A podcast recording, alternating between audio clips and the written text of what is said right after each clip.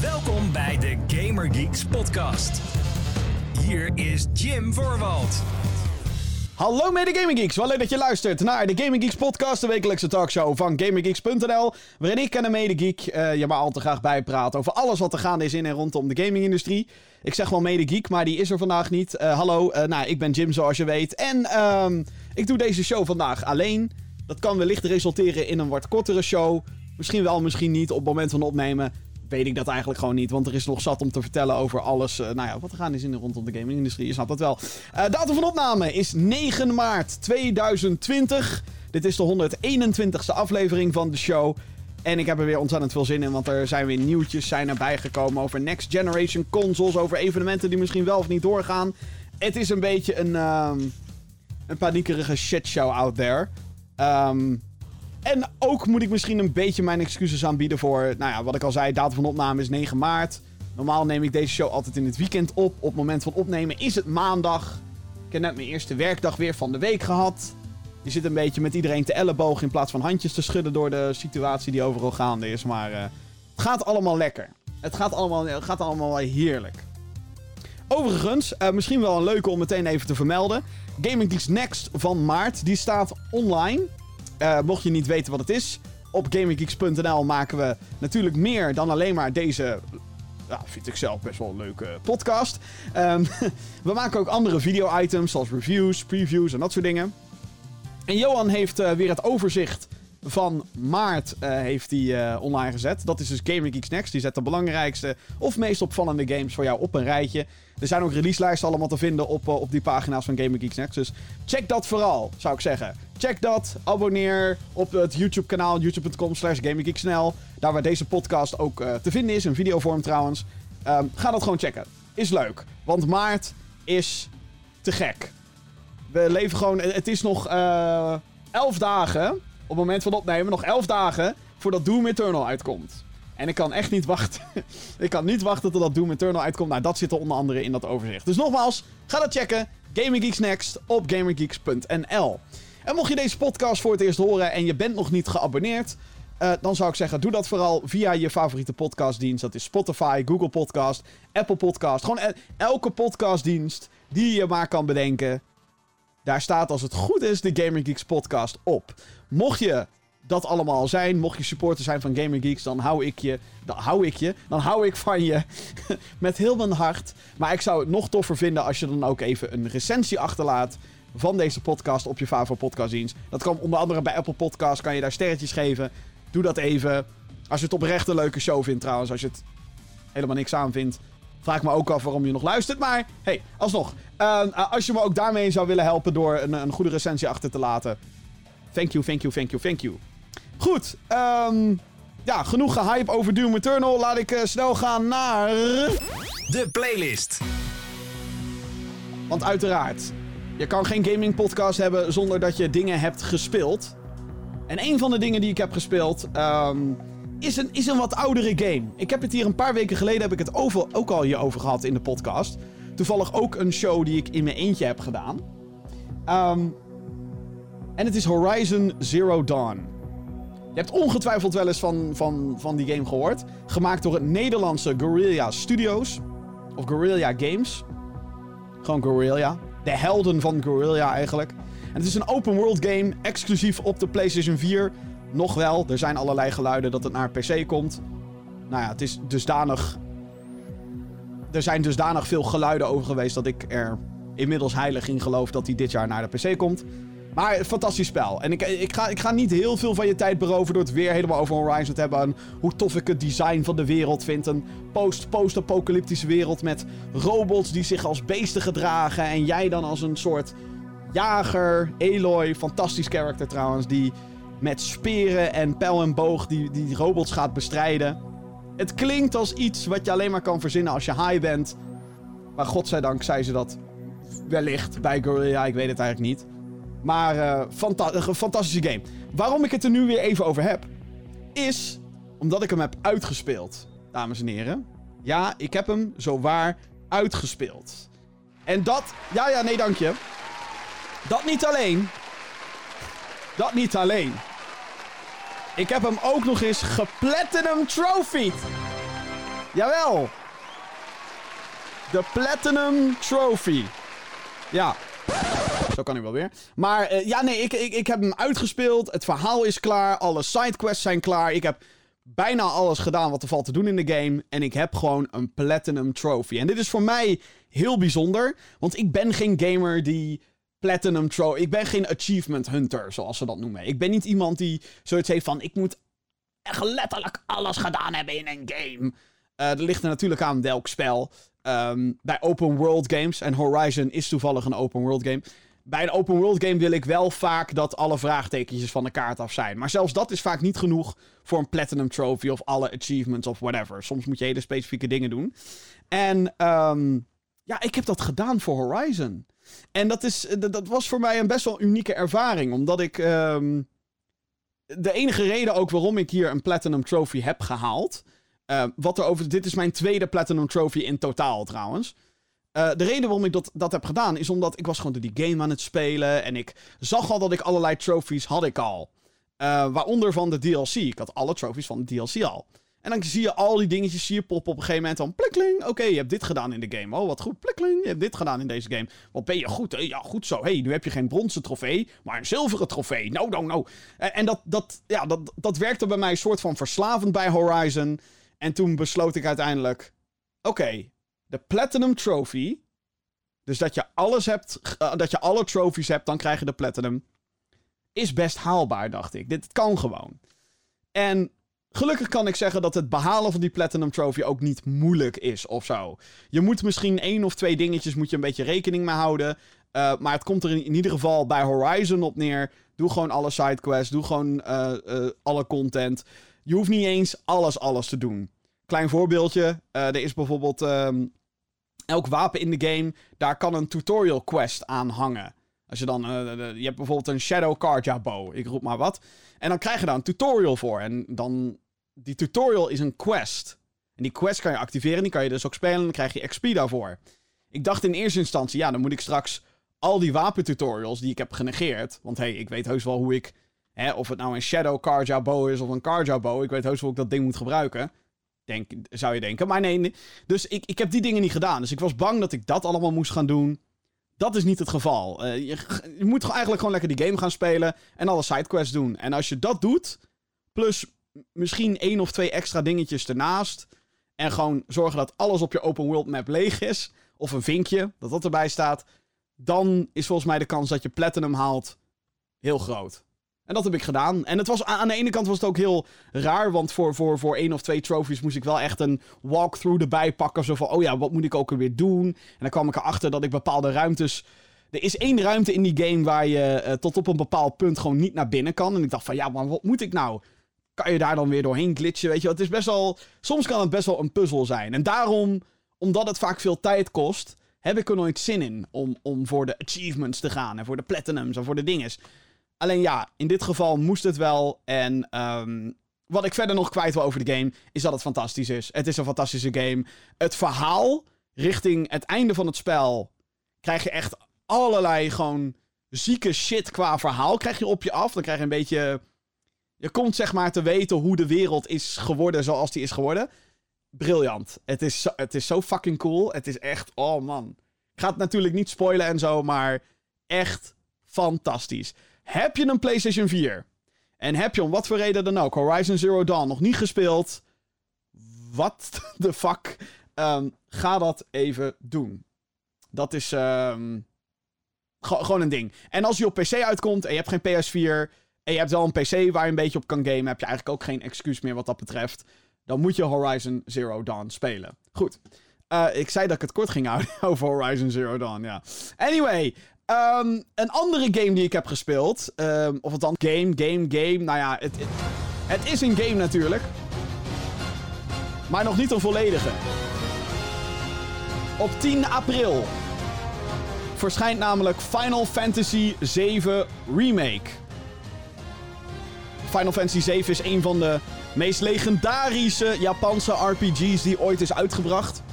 Je zou bijna kunnen zeggen dat dit de game is die RPG's in de mainstream bracht. En hoe bekend of niet je bekend ook bent met gaming, de kans is heel groot dat je wel weet wat Final Fantasy 7 is. En als heel veel mensen roepen Final Fantasy, dan bedoelen ze vaak ook deeltje 7. Nou goed, remake komt daarvan dus uit. Aankomende maand op PlayStation 4. Exclusief voor een maandje. Of voor een maandje. Uh, nee, nee, nee. Exclusief voor een jaartje. Ietsjes langer. En deze week heeft Square Enix een demo uitgebracht. Een demo op de PlayStation Store. Dus op PS4. De game komt ook alleen uit voorlopig voor PS4. Dus je kan hem ook alleen daarop spelen. Dus ja, ik heb mijn uh, journalistieke plicht gedaan en ik heb, uh, ik heb de remake demo even zitten spelen. En ook hier moet ik denk ik wat context bijbrengen. Ik ben absoluut geen Final Fantasy fan. Um, Final Fantasy 7, het origineel. Ik heb het geprobeerd te spelen toen ik een tiener was. Maar het probleem met games uit de eerste PlayStation-generatie en de Nintendo 64-generatie.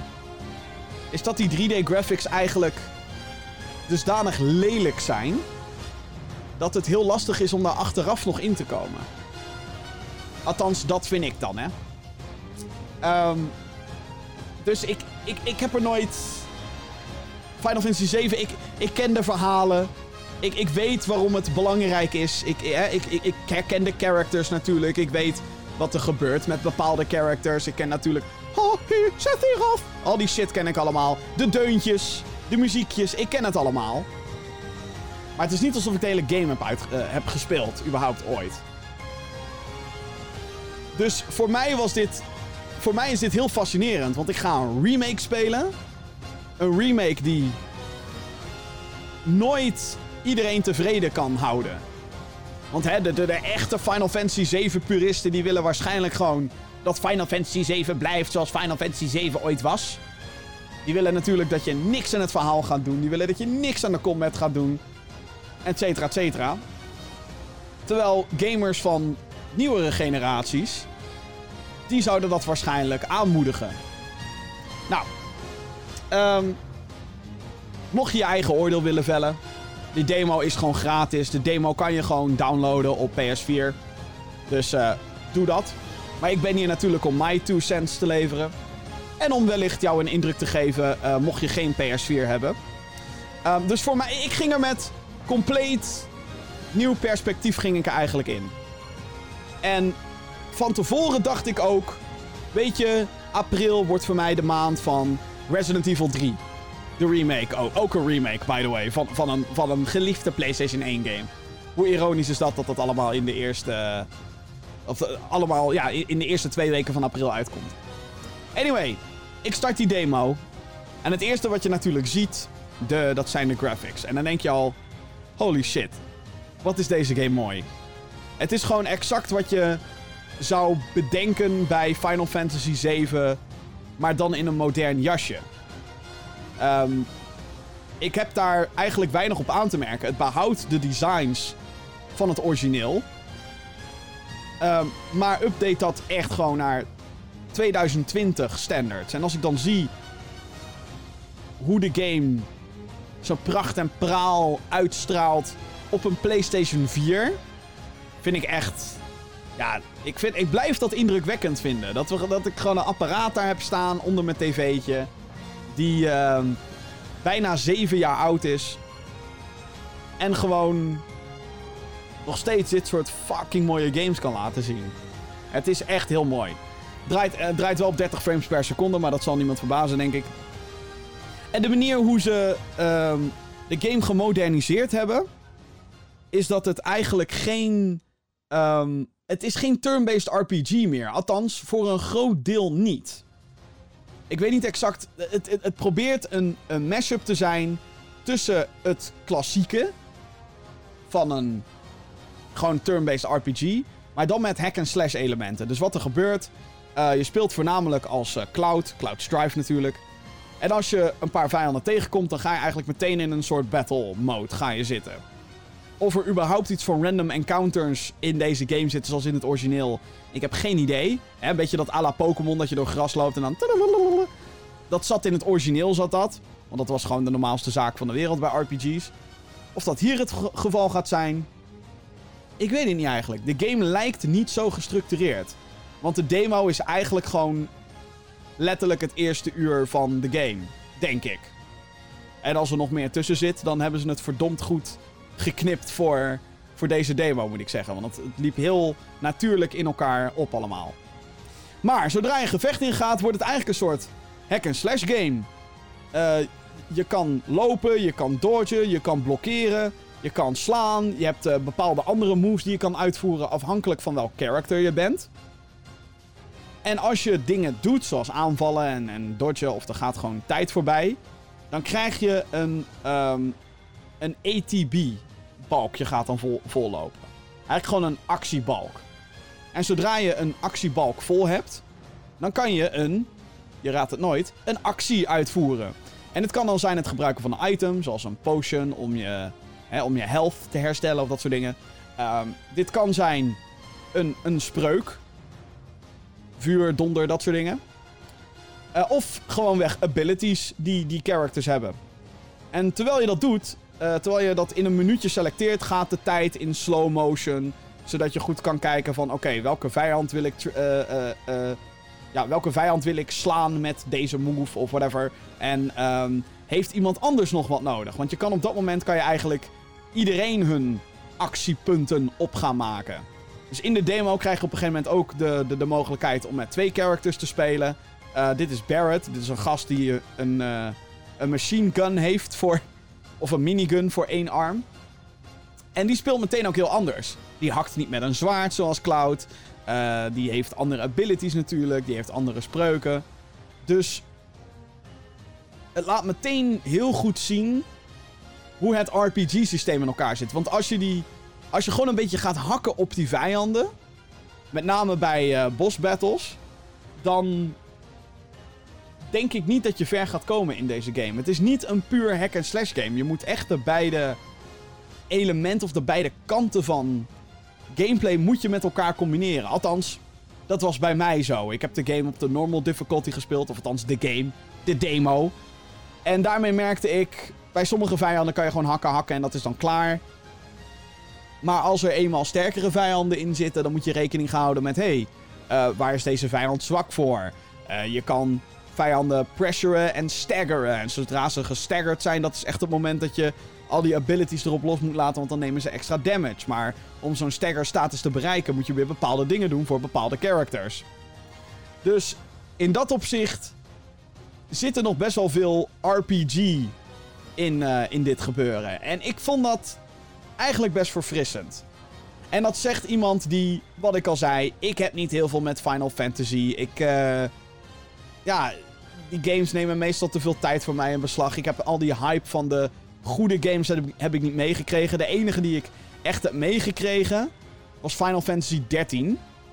Nou, um, hoe minder ik daarover zeg, hoe beter, denk ik. Ik denk dat ik ook sinds het spelen van 13 en met name de sequels, 13-2 en Lightning Returns. Nou, hou maar op, dat waren echt... Sorry, ik vind dat echt kut games. Maar uh, sindsdien ben ik een beetje... Whatever. Final Fantasy kan me gestolen worden. Maar na het spelen van deze demo... Het speelde, voor het speelde echt lekker. Het was echt dat ik dacht... Oh ja, ik kan nu deze ability gebruiken. En dan voel je je super slim als je dan zo'n bos verslaat. Met de strategie die iedereen natuurlijk gewoon moet gebruiken. Maar ja... Je voelt je dan echt wel uh, een, een dope-ass bitch. Je voelt je als Cloud. En het feit dat je die characters natuurlijk direct kan besturen... Dat maakt het nog toffer in die zin. Dat maakt het eigenlijk nog immersiever. En dat maakt het ook actievoller. Wat natuurlijk weer past bij het moderne beeld wat deze game wil neerzetten. En wat het wat mij betreft ook heel erg goed doet. Ik vond ook de voice acting tof. Um, nou, de nieuwe, of althans de nieuwe versies van de deuntjes.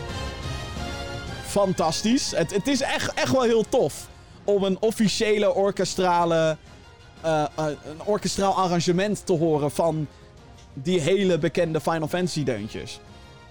En het is ook een beetje, uh, van wat ik tot nu toe merk, het weet ook dat het heel anime of heel campy is op zijn tijd. En dat, dat past er wel bij, denk ik. Ik denk niet dat Final Fantasy iets is wat zich continu serieus neemt. En dit zeg ik nogmaals echt als iemand die totaal, nou ja, zo goed als niet ervaren is met, met, met uh, deze franchise. Maar daarom vind ik het zo fascinerend om dit te spelen en ook om het erover te hebben. Maar ik was echt heel erg positief. Ik, of, ik ben heel erg positief. Ik dacht echt, wauw. Ik wil dit eigenlijk wel gewoon gaan spelen, dit. De, volledige game. Heb ik daar tijd voor? Dat valt nog te bezien. Maar de graphics fantastisch. De gameplay is een, een toffe mengeling tussen oud en nieuw. Uh, ja, of je daarvoor open staat als oldschool fan, ja. Dat, dat, is, dat zal voor ieder anders zijn überhaupt ook of dit soort gameplay bij je in de smaak valt. Want als ik zeg hack en slash, dan bedoel ik natuurlijk niet dat dit.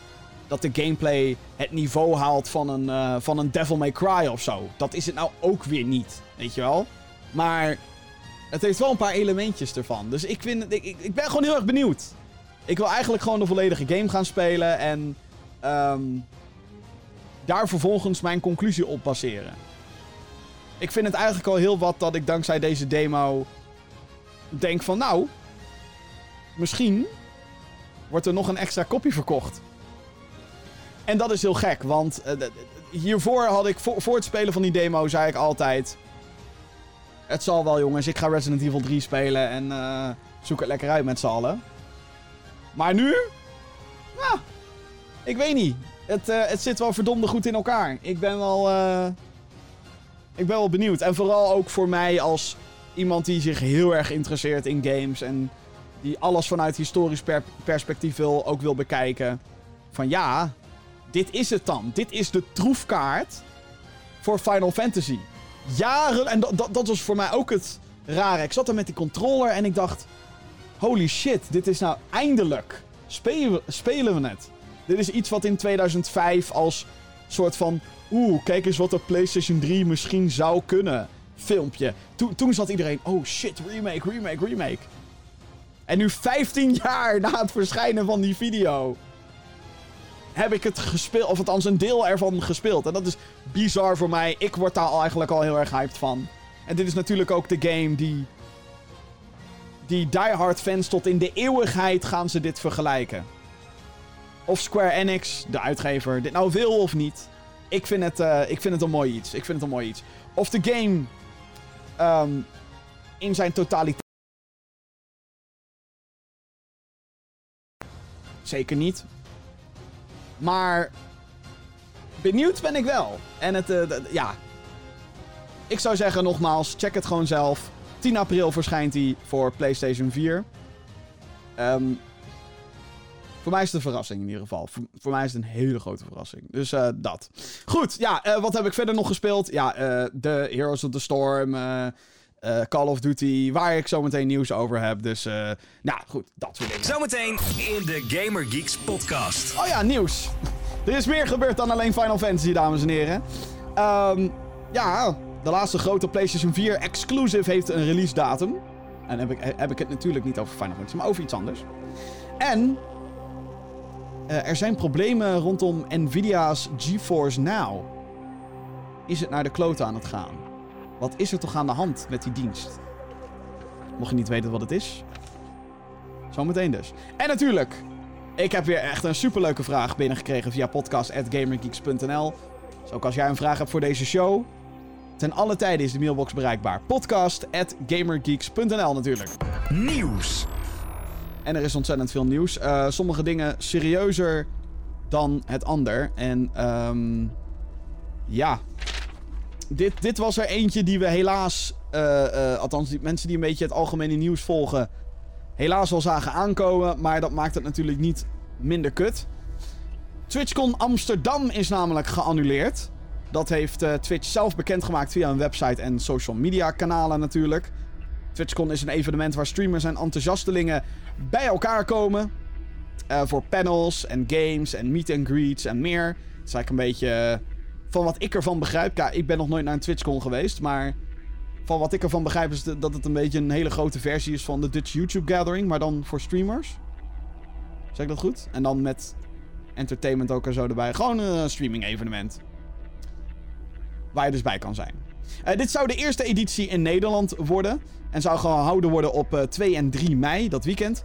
De reden voor annulering is het coronavirus.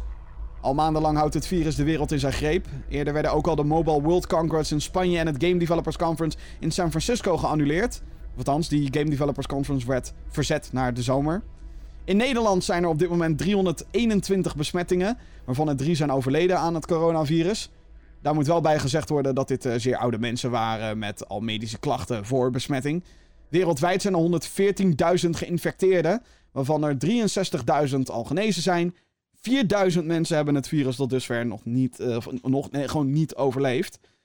Uh, ook is muziek, film en techfestival South by Southwest trouwens geannuleerd vanwege zorgen rondom het virus. Dus het is. Um, ja, het, uh, ja, wat ik al zei.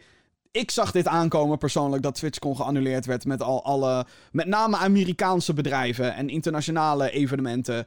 Dat is gevaarlijk. Uh, dat is gevaarlijk gewoon op dit moment. Schijnt. Um, logisch ook. Hè? Weet je, als je wereldwijde besmetting hebt en mensen komen vanuit je weet niet waar ze vandaan komen. Je weet niet met wie ze in contact zijn geweest. En voor je het weet is zo'n hele hal besmet. En iedereen gaat daarna natuurlijk weer allemaal naar huis. Dus dat verspreidt zich. Ik snap het aan de ene kant wel. Um, maakt het natuurlijk niet minder kut voor degene die um, naast een ticket... Want de tickets worden gewoon gerefund. Of althans, mensen die een ticket hebben gekocht krijgen natuurlijk gewoon hun geld terug. Maar dan heb je natuurlijk mensen die een vliegtuig geboekt hebben. En een hotel geboekt hebben. En um, als je dat hebt gedaan via TwitchCon of via Twitch dan, is, dan krijg je daar ook je geld voor terug. Maar ja, voor de meeste mensen geldt natuurlijk dat dat niet het geval is. Dus dan heb je weer te maken met Airbnb'tjes en, en, en hotellen die er niet aangelinkt zijn direct, die je dan moet afzeggen. En dat, oh man, wat, wat, wat er gebeuren is dat allemaal. Dat is niet leuk, voor niemand niet. Uh, en sowieso dat we in een situatie leven waarin we uh, ons met z'n allen zorgen moeten maken om überhaupt met elkaar in contact te mogen komen. Dat is uh, zeer triest. En het, het, beheerst. Ja, ik, ik, ik heb er ook zo'n zo'n uh, gemengd gevoel over ook, weet je wel. Kijk, aan de ene kant denk ik, zijn we niet met z'n allen elkaar een beetje gek aan het maken. En aan de andere kant denk ik, nou, misschien ook wel goed ook. Hè? Voorkomen is beter dan genezen, zeggen ze dan. Dus uh, ja, wellicht. Um, hey, een knopje van mij doet het niet. Oh, wacht, dat is misschien wel logisch. Omdat ik dit moet doen. Kijk, kunnen we door naar de volgende. Uh, want uh, TwitchCon is niet het enige evenement wat wellicht in de problemen gaat raken. Um, want hoe zit dat dan met dat andere hele grote gaming evenement... wat altijd rond juni in Amerika... Oh my god. De E3, dames en heren. Um, de organisatie van de E3 gaat namelijk door met het opzetten van het evenement. Jarenlang is de beurs in Los Angeles uh, gezien, uh, of althans, jarenlang werd de beurs in Los Angeles gezien als het middelpunt. De Super Bowl, if you will, van gaming. Hier worden vele titels aangekondigd en voor het eerst getoond. De uitbraak van het coronavirus heeft ervoor gezorgd dat in LA, Los Angeles dus, een zogeheten, zogeheten State of Emergency is afgekondigd. De ISE die het organiseert, die zegt de situatie nauwlettend in de gaten te houden. Dus op dit moment lijkt het er nog niet op dat E3 geannuleerd wordt. Maar, wat ik al zei, TwitchCon werd geannuleerd. Amerikaanse organisatie. Game Developers Conference werd geannuleerd. Um, South by Southwest, allemaal Amerikaanse. Allemaal grote link aan Amerika. En het feit dat er nu al een. een um, wat ik al zei, een state of emergency. Alhoewel daar volgens mij in LA vrij weinig aan de hand is, geloof ik, qua coronavirus. Nog. Um, ja, het kan natuurlijk. En, en we, we, hebben nog een paar maanden te gaan hè, tot E3. Um, E3 wordt meestal in juni gehouden. Dus ja, wellicht dat het wat dat betreft goed komt. Maar er zijn ook andere problemen rondom E3 2020. Creatief partner IM8bit trekt zich namelijk terug van het evenement. Dit jaar had een vernieuwend jaar moeten worden voor de E3. Maar dat heeft er tot dusver voor gezorgd dat veteraan journalist Jeff Keighley en PlayStation voorlopig wegblijven. Er zijn nog maar drie maanden te gaan en de vraag is nu hoe ESE dit gaat oppakken. En dat IM 8-bit, dat is dus een soort, ja, ook een organisatie wat weet ik hoeveel games, uh, game events hebben georganiseerd, zeggen ze. Uh, en volgens mij ook dingen doen zoals merch maken en fysieke edities van games maken en dat soort dingen. Uh, en die moesten, ja, E3, dat moest iets nieuws gaan doen. Dat wilde dingen gaan doen met influencers en, en en, en celebrities. En de floor experience moest helemaal anders worden. Zodat de E3 echt weer de shit wordt. Want de E3 zit de laatste paar jaar in een soort van dalletje. Bedrijven vragen zich steeds vaker af: Goh, waarom moeten we hier eigenlijk staan met een fucking grote booth die weet ik hoeveel geld kost? Want hey, het is E3. Weet je wel, dat is een beetje. E3 is wel een grote naam. En blijft dan alsnog wel belangrijk, I guess. Ik bedoel, ik heb er weer zin in, weet je wel, in E3. In het feit dat we allemaal nieuwe games te zien gaan krijgen. Of we krijgen nieuwe dingen te zien van games waar we op ons, op verheugen. En wie weet wat voor verrassingen er komen. Bla. Wat dat betreft vind ik het, eh, zou ik het heel zonde vinden als het helemaal naar de galamiezen gaat. Maar ja, je moet je natuurlijk ook voorstellen, in hoeverre is dit nog leuk voor die, ja, die bedrijven die er staan? Hebben zij er wat aan? Uh, sinds een paar jaar is, het, is de E3 ook open voor publiek. Dat maakt zo'n evenement natuurlijk ook meteen al heel anders. Hè, dan is het geen trade show meer, zoals we dat noemen. Maar dan wordt het ineens gewoon. Ja. Andere koek. Dan komen er ook. Gewone mensen komen dan, uh, komen dan ineens die games uitproberen. En dat is toch wel wat anders dan dat je uh, een zaal vol met pers hebt. Dus ja, ik, ik weet niet in hoeverre dat het evenement positief of negatief heeft beïnvloed. Qua ervaring het daar zijn. Want hey, ik ben zelf nog nooit naar E3 geweest. Um, dat staat nog steeds een beetje op mijn bucketlist, zeg maar. Maar of dat ooit gaat gebeuren, dat weet ik niet. Um, en het feit dat Jeff Keighley, die daar al 25 jaar is geweest. Hè, zeg maar zo'n gast die daar ook een beetje zo'n spokesperson voor is. En daar allemaal streams heeft, uh, heeft gehost en dat soort dingen. Het feit dat die vent zegt: Yo, ik ben er niet meer bij. En dat heeft allerlei redenen. Hij is niet heel specifiek geweest. Maar hey, ik ben er niet meer bij. Want uh, ik ben het er niet mee eens. Dat is een beetje hoe hij het verwoord heeft. Dat baart zorgen. Dat baart echt zorgen. Dus, hmm. Ik weet het nog zo net niet met E3. Maar goed, uh, juni moet het weer gaan gebeuren. Maar of het doorgaat, dat is natuurlijk uh, de vraag nog steeds.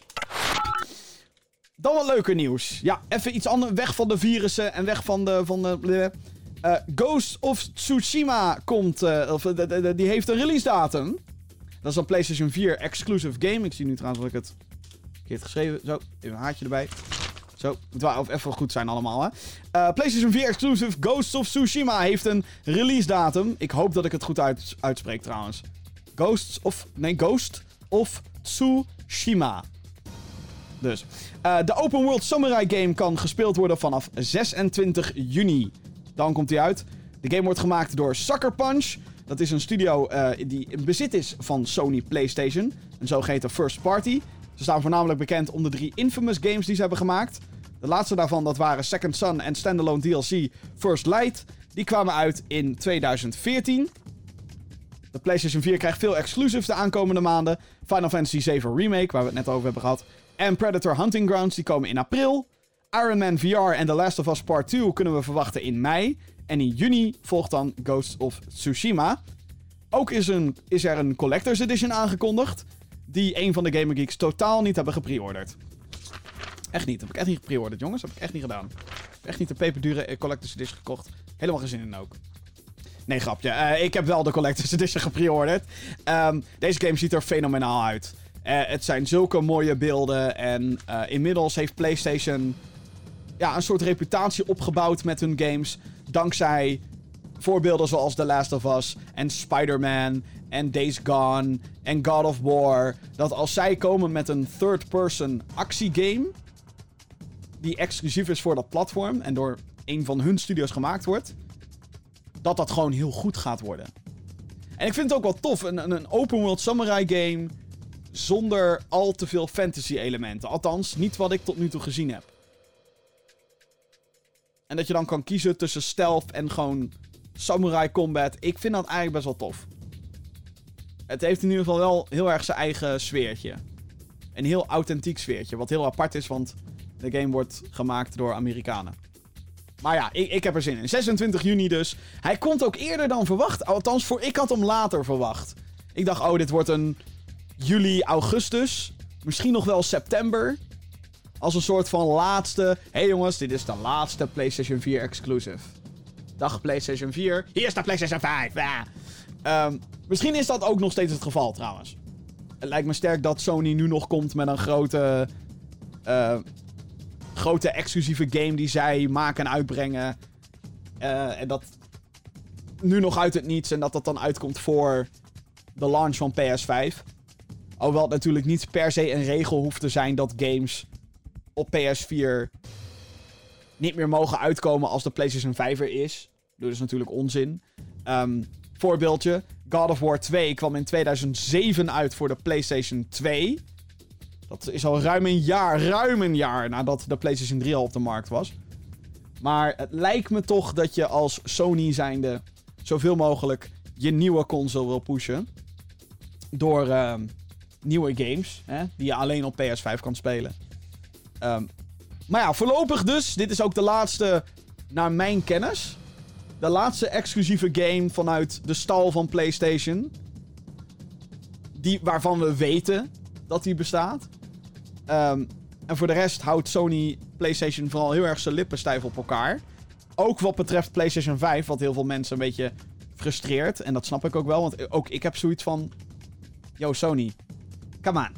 Weet je, kom met iets. Met iets meer info. We weten dat hij eraan komt. We weten dat hè, dat het eind dit jaar moet verschijnen. Maar... What's going on verder?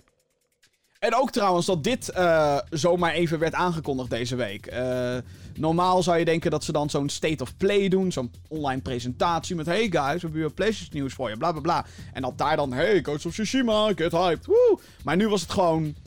Persberichtje, trailertje. Hey guys, kennen jullie deze game nog? Die er heel erg vet uitziet. Ja, die kennen we. Oké. Alsjeblieft. 26 juni.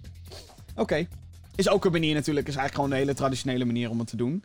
Maar ik vind het verrassend dat dit de manier is hoe, uh, hoe PlayStation dat met deze game aanpakt in ieder geval. Clouddienst GeForce Now die zit in zwaar weer. En uh, dat is opvallend. Dit is een dienst waarbij je 5,5 euro per maand moet betalen. En in principe huur je dan een dikke PC via een online verbinding. Dus je haalt zo'n abonnement. En dan uh, ja, kan je gewoon vette games spelen. Komt er gewoon op neer eigenlijk. Uh, zonder, dus ook al heb je dan een. Stel je hebt een, je hebt een kut laptop of zo. En je wilt gewoon ergens gamen. En dat wil je op de hoogste settings doen. Hup, betaal. En ook wel. Maar uh, gewoon dikke internetverbinding erbovenop. En dan uh, kan je gewoon games spelen op de max settings. Even ervan uitgaande dat die game dat natuurlijk ondersteunt. Nou, uh, super toffe dienst. Zijn echt al iets van 1 miljoen abonnees en zo. Maar het zit dus in zwaar weer, dames en heren. Wat is daar aan de hand? Het is namelijk zo dat uitgever 2K heeft al zijn games ervan afgehaald. Dit is een soort trend die, uh, die gaande is.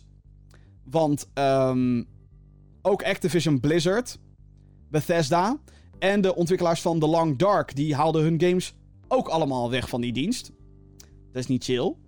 Um, in het geval van 2K betekent dit dus dat games zoals Borderlands 3 en Bioshock, WW2K, uh, nee, WWE 2K, die worstelgame, NBA 2K en XCOM en zo, dat is dus allemaal niet meer speelbaar. Dat is gewoon ineens, hoppakee, weg van die dienst.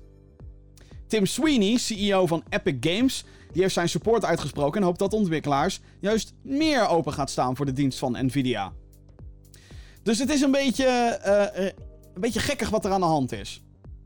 Want waarom zouden ontwikkelaars zeggen tegen Nvidia: Yo, haal dit van die dienst af, bitch? Want wat deze dienst in principe doet, is niet alleen maar huur je eigenlijk een PC vanaf afstand, maar het verbindt ook dat Nvidia GeForce Now verbindt met bijvoorbeeld jouw Steam-account. En vanaf daar kan je dus die games spelen die je gewoon al hebt. En dit vind ik een goed iets. Persoonlijk denk ik, ja, waarom zou je nog een keer moeten betalen om een game te spelen op een dienst als deze? Je hebt er al voor betaald, je hebt het recht om die game te spelen. En dan maakt het eigenlijk in principe niet uit vanaf welke PC je dat doet. Hè, als je gewoon een andere PC pakt en je installeert daar Steam op en je logt in met jouw account, kan je ook gewoon bij die games.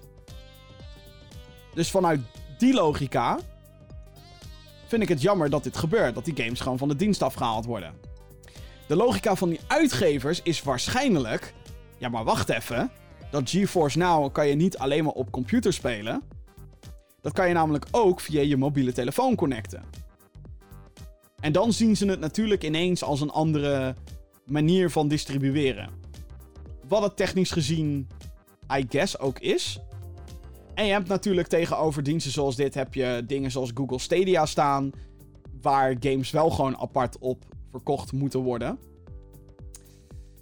Ja, ik vind het gewoon een beetje lastig. Ehm, want het werkt niet zoals een reguliere abonnementsdienst. Als in, hè, je GeForce Now abonnement komt niet samen met titels. Maar dat is bij een PlayStation Now van Sony PlayStation is dat wel zo. Dan kan je alleen bepaalde games streamen die op die dienst staan. Daar is die dienst specifiek voor gemaakt. En dan merk je zeg maar weer dat mensen hun, hun, hun zooitje niet op orde hebben. Dat ook sommige uitgevers nou niet echt weten wat ze willen of wat, nou hun beleid daarbij eigenlijk is. Hebben ze een dealtje met een ander bedrijf? Ehm, gaat het daadwerkelijk in tegen distributiewetten? Het lijkt me dat Nvidia dat allemaal heeft uitgezocht. Voordat ze dit gingen releasen. Volgens mij is GeForce nou ook echt iets van vijf jaar in beta geweest. Dus het is een opvallende situatie. Steeds meer bedrijven zeggen: fuck GeForce Now. Fuck jullie. Ehm, en fuck alle mensen die geabonneerd uh, uh, zijn op die dienst. Want uh, ja, we halen gewoon onze games weg. Zonder waarschuwing. Haha. Dus ja, eh. Hmm. Hmm. Hmm. Dit is zo'n gevalletje dat ik denk. Wordt vervolgd. Zonder twijfel, by the way. Frictional Games heeft deze week aangekondigd dat er een derde deel aankomt in de horrorserie Amnesia. Hartstikke leuk. De nieuwe game gaat Amnesia Rebirth heten en komt aanstaande herfst al naar PlayStation 4 en PC. Amnesia The Dark Descent, de eerste, kwam uit in 2010 en was een van de populairste horrorgames van dat moment. In de game krijg je namelijk geen wapens om je te verdedigen tegen vijanden. Dit was toen zo'n heel groot YouTube met Slender en Amnesia en Outlast. Dat was echt een grote horror-hype. Was eigenlijk een soort van horror-renaissance toen. In 2013 kwam een vervolg uit. Dat was Amnesia A Machine for Pigs. Maar deze werd ontwikkeld door de Chinese Room. En de derde deel, die wordt weer door Frictional Games gemaakt. Dus de Chinese Room waren niet de oorspronkelijke ontwikkelaars. Ik heb ook van heel veel mensen gehoord dat de tweede niet heel goed is. Dus uh, Frictional heeft gezegd: jongens, dit is de echte nieuwe Amnesia. Echt waar. Dit wordt weer horror. Dit wordt weer eng. Lekker man. Ja, ik heb wel uh, leuke herinneringen aan deze game. Onder andere dat. Uh, dat uh, volgens mij was dat wel de tweede. Zaten ik en Medegeeks, Jeroen en Vincent, die zaten dan in zo'n kamer. En we lieten Jeroen lieten we vijf minuten spelen. En in het begin van die game ben je gewoon in een groot huis. Gewoon een heel groot huis, een mansion ben je. Je loopt gewoon wat rond. Er gebeurt letterlijk nog helemaal niks. En na vijf minuten schuift Jeroen zeg maar zijn bureaustoel naar achter. En hij zegt, jongens, ik kan dit niet. Ik kan het niet. Ja. Medegeek Jeroen kan ook absoluut niet tegen horror games. Die, uh, die kijkt meteen weg als er ook maar iets van horror ergens uh, in te vinden is. Of als er ook maar een hint is van dat iets eng moet overkomen. Dan, dan doet hij zijn handen al voor zijn ogen en zegt hij nope, I'm out. En dat is zo goed recht ook. Uh, maar dat maakt die herinnering wel leuker. of dit een goede game wordt, ik heb geen idee. Ik weet niet of dit soort stijl horror nog wel in trek is. Hebben we hebben het inmiddels al niet een beetje gezien? Met die... Oh, ik loop en ik kan me niet verdedigen. En oh, jumpscare horror. Hebben we, nou, ja. Weet niet eigenlijk. De Nintendo PlayStation prototype veiling is afgelopen. Ik vind het ding zo tof. Uh, dit is een apparaat, de Nintendo PlayStation heet het dus. Dit is een apparaat die begin jaren 90 werd gemaakt door Sony in opdracht van Nintendo. Deze wilde een CD-ROM-uitbreiding maken voor de Super Nintendo. De deal met Sony ging niet door, waardoor de daadwerkelijke PlayStation gemaakt werd. En uiteindelijk ging Nintendo dan weer iets doen met Philips. En dat werd dan een. een, een, een uh, de Philips CDI kwam eruit, want de add-on kwam er nooit. Een fucking interessant stukje gamegeschiedenis is dat. Maar Sony heeft dus wel prototypes gemaakt. Van wat in essentie dus een, een CD-ROM-speler en Super Nintendo in één, in één is. Een Nintendo PlayStation. Met daarbij een controller. Wat gewoon een Super Nintendo controller is. Maar waarop dan logotjes van Sony en PlayStation staan. Het is bizar.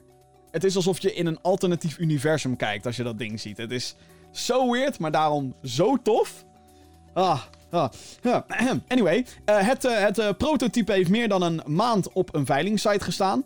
een medeoprichter van Pets.com. Ja, ik maak dit. Ik verzin het niet. Die heeft het apparaat uiteindelijk gekocht voor een oh, klein bedragje. 360.000 dollar kost het hem in totaal. Zijn intentie is om een museum te starten waar deze ook te zien zal zijn. Dus het prototype en allerlei arcade cabinets wil hij daar neerzetten. Eigenlijk ook het enige goede wat je hiermee kan doen. Dit moet gewoon in een museum staan, dit ding. Dit is uh, zo uniek en zo tof. Ik hoop dan eigenlijk ook dat ze dan een manier kunnen vinden dat je er dan ook daadwerkelijk op kan spelen. Als het in een museum staat. Want het ding schijnt te werken.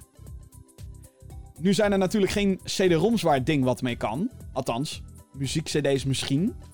Maar de cartridge slot die bovenaan het apparaat zit. Um, die werkt wel. Dus als het goed is, moet, uh, moet dat prototype gewoon Super Nintendo games kunnen afspelen. Althans, gewoon Japanse, denk ik. Ik weet niet of dat dan ook voor de Europese cartridges geldt, want die hebben dezelfde vorm. Maar in principe werkt het dus ook gewoon. Ja, echt heel erg vet. Dit uh, heb ik ook al eerder gemeld in het nieuws, maar uh, ik vond dit de moeite waard om het over te hebben. Uh, mocht je niet de videoversie kijken van deze podcast, en mocht je dit luisteren via je podcastdienst, uh, je favoriete podcastdienst natuurlijk, check even, um, gewoon Google even, Sony of een Nintendo PlayStation. En zie dan hoe bizar vet het is eigenlijk. Ja. Star Wars, dames en heren. Geen week zonder Star Wars. Maar nu heb ik een goede aanleiding. Want via het PlayStation Network is een afbeelding gelekt van schijnbaar een nieuwe Star Wars game. Het enige wat we gezien hebben is een afbeelding met een aantal X-Wings en een Star Destroyer. Dat zijn ruimteschepen uit het Star Wars-universum voor degenen die dat niet weten. Um, en ja, daarop staat een titel: Star Wars Project Maverick. Een beetje in de stijl zoals het logo van uh, Solo, A Star Wars Story. Nu denk ik dat dat verder niks zegt, maar dat viel mij dan weer op. Veel meer over het project, uh, project is niet bekend. Behalve dat deze uitgegeven wordt door EA, die de rechten hebben voor console- en PC-games voor Star Wars. Volgens Kotaku wordt de game gemaakt door EA Motive en wordt omschreven door de website als a smaller and more unusual project. Dat is eigenlijk het enige wat we weten. En de, de manier hoe dit gelekt is, is ook heel grappig. Want er zijn Twitter-bots en die, ja, die scannen gewoon continu het PlayStation-netwerk van... Oh, hey, is er een nieuw ding toegevoegd? Dan, dan wordt dat meteen door een bot getweet. En zo is dit dus tot stand gekomen. Zo kwam die afbeelding er ineens. Zo kwam er ineens een titel. Ik vind het sowieso grappig dat er dus kennelijk een game is die nu op PlayStation Network is toegevoegd onder de naam Project Maverick. Star Wars Project Maverick. Hmm. Wat het kan zijn. Uh, ja. Het kan van alles en nog wat zijn natuurlijk. Uh, ik hoop stiekem op een Rogue Squadron. Of, of, gewoon een. Uh, uh, ik wil eigenlijk een keer een Star Wars game zonder Jedi. Basically. Gewoon, en, en niet dat, dat ik wat tegen Star Wars game met Jedi erin heb. Want hey, we hebben Star Wars Jedi Fallen Order gehad. Fantastische game.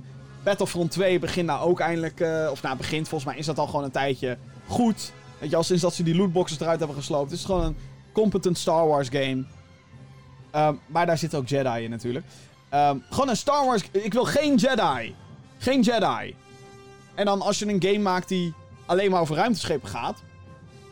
Of Star Wars Pod Racer. Ik noem maar wat. Maak Star Wars Pod Racer 3. Oh, dat was zo vet, jongen. Star Wars Pod Racer. In 1999. Heel lang geleden, dames en heren. Het is echt al heel lang geleden. Maar echt. Echt heel lang geleden. Goed, uh, wanneer we meer te horen gaan krijgen over deze game... Als slijm me dood. Ik hoop binnenkort, in ieder geval.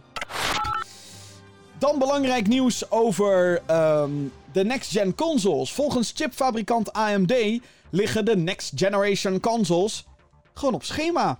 Dit lieten ze weten tijdens een presentatie. Het bedrijf levert de processoren en grafische kaarten voor zowel de PlayStation 5 als de Xbox Series X.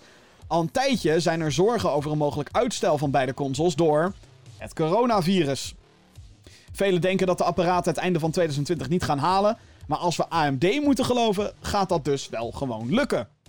Overigens is hiermee ook bekendgemaakt dat de PlayStation 5 dezelfde processorarchitectuur gaat gebruiken als de Xbox Series X. En wat dit dan weer betekent, is dat beide platforms qua kracht en qua wat er in de doos zelf zit, dat dat best wel gelijk aan elkaar loopt. En dat maakt het natuurlijk in zekere zin minder interessant, omdat je, ja, het vergelijken van kracht en, en, en games gaan dan heel erg op elkaar lijken. Als in Assassin's Creed zal waarschijnlijk exact hetzelfde eruit zien op de Series X als op de PS5. Hè? Uh, van wat we tot nu toe weten dan. Uh, wat het wel interessant maakt. Hè, alles, elk voordeel heeft zijn nadeel. Uh, maar het voordeel in deze is dat het dan nog meer gaat over de games. Welk platform kan de beste games aanbieden? Daar moet het natuurlijk uiteindelijk om gaan. Mm. Even een slokje, excuses. Um, maar ja, uh, we gaan het zien natuurlijk. Uh, er zijn natuurlijk allerlei andere omstandigheden waarom de consoles alsnog wel uitgesteld kunnen worden. Don't get me wrong. AMD heeft nu gezegd: hey, aan onze kant is alles prima, alles loopt op schema. Maar dat wil natuurlijk niet zeggen dat letterlijk alles op schema loopt. Dus ik, hou, ik, ik denk nog steeds dat we gewoon eind dit jaar de nieuwe consoles gaan krijgen. Um, ik denk dat met name Xbox inmiddels wel dingen had gezegd. Van jongens, we denken niet dat we het gaan redden. Um, en, wie weet krijgen we dan in juni meer te horen tijdens E3. Als die doorgaat natuurlijk. Met name van Xbox. Um, maar ik nu, eh, wat ik net al zei, ik wil gewoon dat Sony nu een keertje met informatie komt over de PlayStation 5. Ik bedoel, het moet eind dit jaar gaan uitkomen. Over de Xbox weten we al van alles en nog wat. Nog niet alles natuurlijk, maar best wel veel. En van de PlayStation 5 hebben we een logo. We weten dat het backwards compatible is. En SSD, schijf, raytracing, de standaard shit. Maar verder, geen idee. Bij deze, Sony, let's go. Kom op, meer informatie. Graag, gaarne. Via een blogpost heeft Google aangekondigd dat er een nieuwe studio geopend wordt die games gaat ontwikkelen voor streamingdienst Stadia. Het is de tweede grote studio die het bedrijf um, gaat openen. Of heeft geopend. En uh, dat is met de reden dat ze exclusieve content naar Stadia gaan brengen. Dus ze maken exclusieve games. Deze nieuwe studio bevindt zich in Playa Vista, wat in Los Angeles ligt, California. En gaat geleid worden door Shannon Stadstill. Gamers die de ontwikkeling van God of War 2018 al op de voet hebben gevolgd, die weten wel wie uh, deze vrouw is. Uh, jarenlang heeft zij namelijk de leiding gehad over Sony Santa Monica, dus zij was eigenlijk gewoon degene die uiteindelijk zei: Ja, God of War, goed idee, gaan we doen. Um, ja, zij is nu dus vertrokken van die studio om dit project te gaan doen. Wat voor game deze nieuwe studio gaat produceren, dat weten we natuurlijk nog niet. Sinds de release van Stadia in november zit de dienst in zwaar weer. Er is veel kritiek op het gebrek aan games en de hoge prijs van de games die wel aanwezig zijn. Zo moet je gewoon voor elk spel, elk nieuw spel gewoon 60 euro neerleggen. Um, wat aan de ene kant wel gek is, aan de andere kant weer niet. Vele functies die beloofd zijn voor release zijn tot op de dag van vandaag nog niet beschikbaar dan wel waargemaakt. Ja. En ik vind eigenlijk ook dat Stadia heel laat is. Met het opzetten van een paar studio's. Ik bedoel, ze hebben er dan nu twee. Dat zijn twee grote studio's, heb ik begrepen. Waar echt gewoon minstens 100 man werken. Dus daar moeten echt hele grote games uit gaan komen. Die, die gebruik gaan maken van de cloud en alles wat Stadia kan bieden. Maar had je daar niet twee, drie jaar geleden mee moeten beginnen? Waarom ga je nu pas die mensen bij elkaar brengen? Dat betekent dus dat vanaf dit moment. Hè, we gaan nu even. Laten we er nu gewoon van uitgaan dat er een team is en dat er een ruimte is met computers. En dat ze nu gaan beginnen met iets ontwikkelen. Dus dat team dat zit er net. Dat moet dus nu überhaupt gaan verzinnen. Wat gaan we eigenlijk maken? Misschien dat Google ergens al een idee had van, oh, we willen dit. Oké, dan kan je in ieder geval een richting in. Maar dan alsnog, het hele creatieve proces, dat moet nog beginnen. Dus dat gaat nog minstens... En als je echt een goede game wil neerzetten, dan neem je daar de tijd voor. Zoals met God of War. Die duurde vijf jaar in totaal, die ontwikkeling. Um, dus laten we even ruim nemen. Hè? Drie jaar is misschien iets te kort af. Vier jaar. Over vier jaar pas krijgen we dan exclusieve games van Stadia te zien. Oké. Grote vraag. Leeft Stadia dan nog? Want voor zover ik weet, speelt geen hond Stadia. En ook heel weinig mensen. Ja, dat was een grapje. Maar alsnog. Er is geen positief woord te vinden over Stadia. En terecht, wat ik al zei, heel veel functies werken nog steeds niet. Het is allemaal heel. Werkt het wel, werkt het niet? Meh, het is heel verschillend per persoon. En dat komt natuurlijk door je internetverbinding. Maar alsnog, dat betekent zeg maar dat ons internet er gewoon nog niet klaar voor is om dit soort dingen te doen. We moeten gewoon minstens 5G coverage overal hebben voordat we dit soort shit kunnen gaan implementeren. Als je het aan mij vraagt, althans. Ehm, en de games. Er zijn zo weinig games op Stadia. Sterker nog, dit was fucking grappig. Deze middag werd er een tweet de deur uitgestuurd door Google Stadia. Zo'n beetje zo van: hey jongens, spel je naam.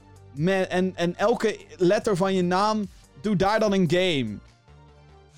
Dus zij, eh, Stadia, nou, dat was het S was Steam World Dig of zo. En dan de, de T is Tomb Raider. En de A is, uh, weet ik veel, Assassin's Creed. Volgens mij staat, oh ja, die staat wel op Stadia. Assassin's Creed. En toen kwamen ze op een gegeven moment bij die I. En dan stond dan een of ander lullig emoticonnetje. Want ze hebben geen fucking game op Stadia die met een I begint. Stadia heeft in totaal 40 games? 50 games misschien? Dat is niet veel. Dat is echt niet veel. En tuurlijk, je kan natuurlijk niet verwachten dat, dat, dat Stadia meteen op het niveau gaat zitten als PS4, Xbox en, en Steam of dat soort dingen. Maar 50 games. En dan Google. Google heeft geld. Google heeft heel veel geld.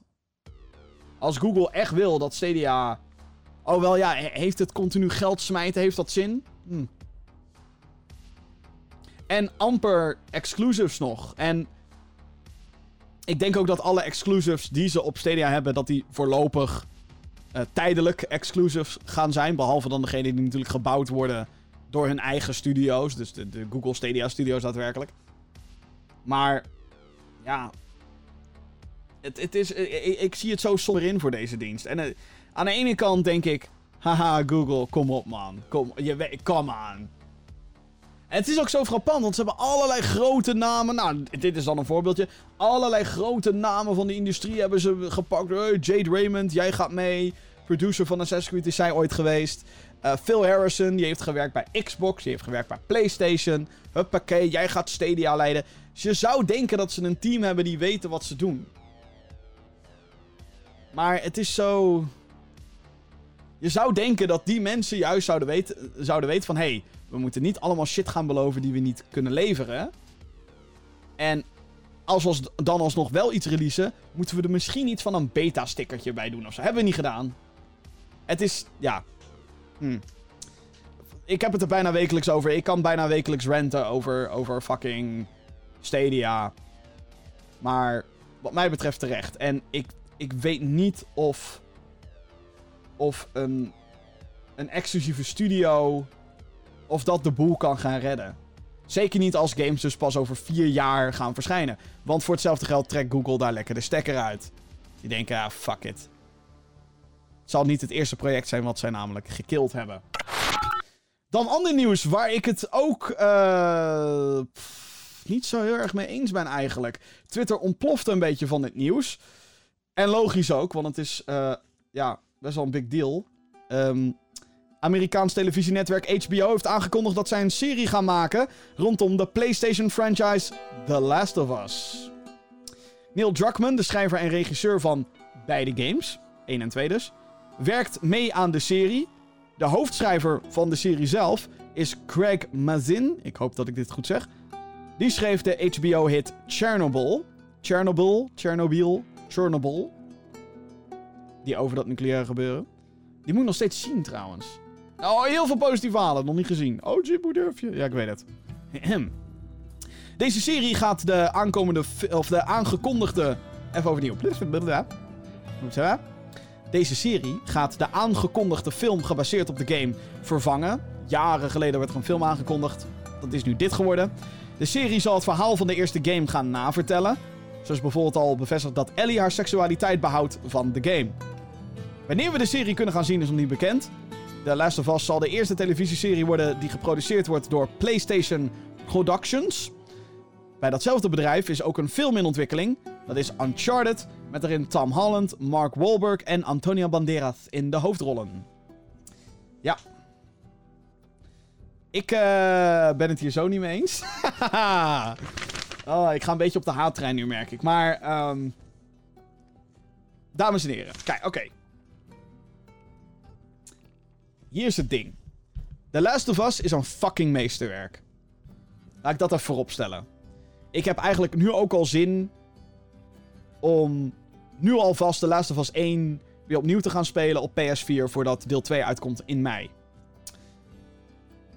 Um, die game, van wat ik me ervan herinner, het is inmiddels al een paar jaar geleden, maar wat ik me ervan kan herinneren is dat het zo goed een verhaal vertelde. En zo goed dat ik niet de meerwaarde zie van een televisieserie. Dus we hebben een game die eigenlijk heel erg op een televisieserie-achtige manier een verhaal vertelt. Natuurlijk zit er ook vette gameplay tussen en bla bla bla. Weet ik wat allemaal, maar. Het verhaal, zeg maar, dat is wat men blijft herinneren van die game. En hoe dat verteld is en hoe dat geacteerd werd door, door onder andere Troy Baker, die fantastisch was uh, in die game. En hoe, hoe, hoe vet wij Ellie vinden in dat spel en bla bla bla. En dan gaan ze nu gaan ze datzelfde verhaal, wat bij heel veel mensen nu nog verser in het geheugen komt, dankzij The Last of Us Part 2. Hè, want die komt binnenkort uit. De beste aanleiding om nu nog een keer The Last of Us deel 1 te spelen. Het feit dat zoiets Part 2 heet, is natuurlijk al heel erg van... Hey, uh, laten we even lekker deel 1 gaan spelen. Allemaal hyped worden. En dan deel 2. En dan hopelijk wordt hij ook super vet. En dan gaan we daarvan ook zeggen... Oh, deel 2. Oh god. De beste PS4 game ooit. Weet ik veel. Weet nog niet. Maar... Je gaat dus nu... Een verhaal opnieuw vertellen. Die waarschijnlijk heel erg gaat lijken op de game. Want hey, de daadwerkelijke makers van de game zijn hier daadwerkelijk bij betrokken. En niet meer in zo van, oh ja, ze hebben goedkeuring gegeven. Nee, ze zijn er echt bij betrokken, betrokken, betrokken. Dus het is niet zo dat ze een compleet andere richting ingaan. Of dat het een zijverhaal wordt van, van de, The Last of Us universe. Nee, ze gaan echt het verhaal vertellen. En waarom, vraag ik me af. En misschien zit ik er wel naast hoor. Misschien dat als die serie straks uitkomt, dat het echt een compleet andere richting op gaat dan wat ik nu verwacht. Ergens hoop ik dat. Maar ik, wat ik al zei, ik zie de meerwaarde er niet van in. De game heeft het verhaal al goed genoeg verteld. Er is geen reden voor mensen die de game al hebben gespeeld. Om tegen andere mensen te zeggen: Oh ja, nee, maar uh, Like, uh, kijk maar gewoon de serie of zo. Nee, ik, ik weet zeker dat de meeste mensen die de Last, Last of Us hebben gespeeld en het tof vonden. En dat zijn, ik ga er even vanuit, de meerderheid. Die gaan tegen die andere mensen zeggen: Yo, speel de fucking game, vriend. Bruh. En ik ben er ook zo eentje. Ik heb ook zoiets van: speel de fucking game. Weet je, zet, zet desnoods de difficulty op Weet je wel, de, volgens mij heeft de Last of Us ook zo'n hele makkelijke stand van... Oh, je wilt gewoon van het verhaal genieten. Oké, go. Maar maak dit mee op de manier hoe die game gevormd is. En ik ben, hele, ik ben, ik ben 100% voor um, nieuwe manieren om, om hè, dingen te vertalen. Hè. Ik bedoel, ik ben fan van de Marvel films. Is dat nodig? Nee, want we hebben de stripboeken al. Je zou bewijzen van hetzelfde. Maar ik vind dat wel echt anders. Want je transformeert een medium echt. Van een, van een tekening. En dan zeg ik het nu even heel lullig. Van een tekening naar. Like Avengers Endgame is wel echt gewoon. Fucking badass natuurlijk. En er zijn heel veel gameverfilmingen die ik zou willen zien. Um, of hè, die een andere richting op kunnen gaan. Hè, de Sonic the Hedgehog film, die ik nog steeds moet zien op het moment van opnemen. Ik weet het, ik schaam me. Maar die doet wel echt iets anders dan natuurlijk het verhaal vertellen van de game. En, en dat maakt waarschijnlijk dat die film ook in iets wat meer waarde heeft. De Tomb Raider film zou ook heel goed passen. Want Tomb Raider gaat toch wat meer over puzzels oplossen. En, en gemengd met actie. En dan heb je daartussen het verhaal van Lara Croft. Nou, dan hebben we hier een film die vertelt het verhaal van Lara Croft. Met eigenlijk nog meer invloeden van Indiana Jones. Top. Weet je wel? Dat, dat, dat past. Maar bij The Last of Us denk ik, je doet je eigen game, vind ik, oneer aan door, door dit te doen. Want, ja goed, en misschien... Ik denk ook dat The Last of Us een van de weinige games is waar ik dit over zal zeggen. Dat ik zeg, hoeft niet, want de game deed het al goed genoeg. Ik ben iemand die al ruim een jaar schreeuwt: maak een Life is Strange Netflix-serie. En als je dan datzelfde argument erbij pakt, dan zeg ik ja, maar let op. In Life is Strange moet je zelf de keuzes maken. Dus de schrijvers kunnen allerlei dingen doen met de Netflix-serie van Life is Strange. Die ze dan, hè, zij kiezen. Jij als speler niet, jij als kijker niet, zij kiezen. Ze kunnen die personages uitbouwen. Ze kunnen veel meer scènes in de school doen van Life is Strange. En de lip sync in Life is Strange was gewoon shit. Weet je al, Life is Strange is wel echt een soort drempel waar je overheen moet stappen, vind ik. Qua hoe je ernaar kijkt en dat soort dingen. Je moet echt van dat soort type verhaal houden en blablabla. Bla, bla, om, om het te kunnen waarderen, Life is Strange. Ik vind niet dat dat geldt voor The Last of Us. Dat is wat The Last of Us zo. zo. briljant maakt. Dus ja, ik, uh, ik zeg HBO, no go. Heb ik verder niks meer over te zeggen, want hey, het gaat gewoon door. En natuurlijk ga ik het kijken. No shit. Sherlock. Maar. Nee. Weet je al? En als je dan nu vraagt, Jim, wat voor televisieserie rondom games raad je aan? Is er überhaupt eentje? Ik ben nu bezig met het tweede seizoen van die Castlevania anime. Woe! Die is al bruut hoor ook daar moet je natuurlijk wel van houden, want het is uh, anime-stijl en het is heel gewelddadig. En um, ik ben niet iemand die weet ik hoeveel uh, Castlevania games heeft gespeeld. Maar uh, ik weet wel allerlei stukjes van lore. En ik heb wel één stukjes van Super Castlevania 4 heb ik gespeeld. En, en uh, Lords of Shadow heb ik gespeeld en dat soort dingen. Dus ja, Castlevania op Netflix is een hele dikke aanrader. Als je het aan mij vraagt, dan dan natuurlijk. Last of Us, we gaan het zien. Dit, was, dit viel vandaag, op de dag van opname, viel, viel, dit even als een bommetje. Uh, na wekenlang geruchten en lekken heeft Activision Call of Duty Warzone aangekondigd. Dat kan ik stoerder zeggen. Warzone. Call of Duty Warzone. Yeah. Dit wordt een Battle Royale mode. Jawel, daar is die. Met 150 spelers. Het grootste nieuws hieruit is... Um, want hey, dat, dat er Battle Royale in kwam, dat wisten we eigenlijk soort van al. Maar het grootste nieuws is dat deze mode free-to-play wordt. Of je nou eigenaar bent van Call of Duty Modern Warfare, de laatste game, of niet. De game gebruikt wel de wapens, gebieden en gameplay van de laatste release. Ook zal het crossplay worden tussen PC, PlayStation 4 en Xbox One. Details over Battle Passes en hoe verre Warzone gelinkt wordt met bestaande Modern Warfare games. Oftewel, de, nieuwste, zeg maar. Uh, dat moet nog bekend worden gemaakt. Ik heb dat trouwens serieus op Twitter gevraagd aan een... Uh, ik deed mijn journalistieke werk. Uh, ik vroeg van, jou, hoe zit dat nou eigenlijk? Want ik speel Call of Duty Modern Warfare bijvoorbeeld. En speel ik nog best wel veel eigenlijk. je hebt dan zo'n Battle Pass en dan moet je gewoon spelen. En dan krijg je Battle Pass Experience. Als ik dan Warzone speel, geldt dat ook? Nou, het enige wat ik kreeg was Stay Tuned. Dus daar krijgen we nog dingetjes over. Um, hè, is de Battle Pass bijvoorbeeld gelinkt aan hier? Of, of hoe zit dat? Weten we allemaal nog niet. Vanaf 10 maart is de mode in ieder geval te spelen. Dus de kans is heel groot dat als je deze podcast luistert... dat je Call of Duty Warzone kan gaan spelen. En ik ben niet echt van de Battle Royale games. Uh, ik vind heel vaak... Um, dat ik... Uh, ja, ik, ik vind gewoon vaak dat ik zoiets heb van... Yo. In de meeste Battle Royale games... Oké, dit is hoe mijn ervaring is met Battle Royale games. Ik land, hè, want je wordt dan in een groot level gedropt. En uh, ga wapens zoeken. En dan vervolgens moet je mensen gaan neerknallen en het veld wordt steeds kleiner. Oké. Dan heb ik dus meestal het, het geval bij mij is meestal... hey, ik ben 20 minuten lang aan het rondrennen. En ik moet een groot veld oversteken, want hey, zo is dat level gebouwd. En dan opeens word ik neergesniperd. Dag 20 minuten van mijn leven. Doei. Fijn. Leuk.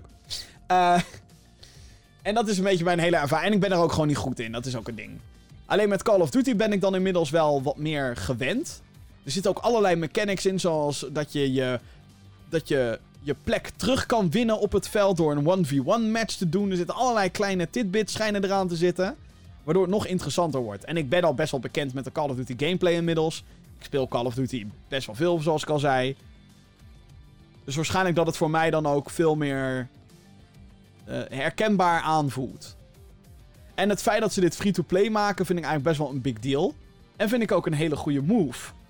Want ik denk, ik denk dat dat is een beetje. Um, hoe, hoe kan je anders nog zo'n mode introduceren? Je beperkt daarmee natuurlijk heel erg de playerbase en het potentiële succes van een game zoals dit. En ik denk dat je op deze manier meer verkopen genereert voor Call of Duty Modern Warfare, de game. Dan dat je het andersom zou doen. Dat je, dat je zegt, hey guys, er is nu een Battle Royale met een Call of Duty Modern Warfare. 60 euro alstublieft. Ik denk dat dan heel veel mensen zeggen, nee.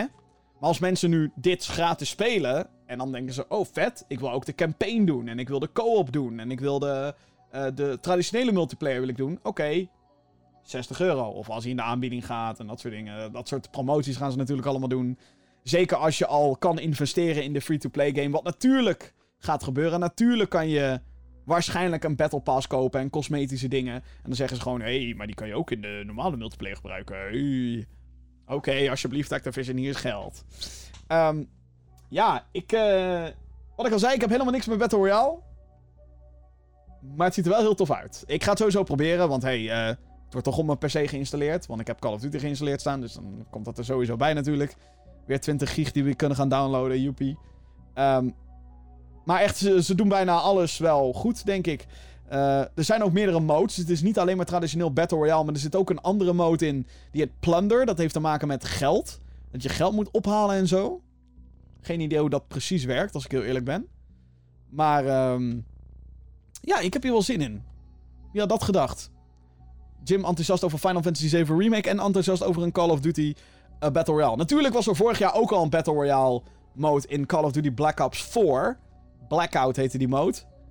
Alleen, ik hoor daarvan wel dat het echt gewoon compleet is uitgestorven. Zeker op PC.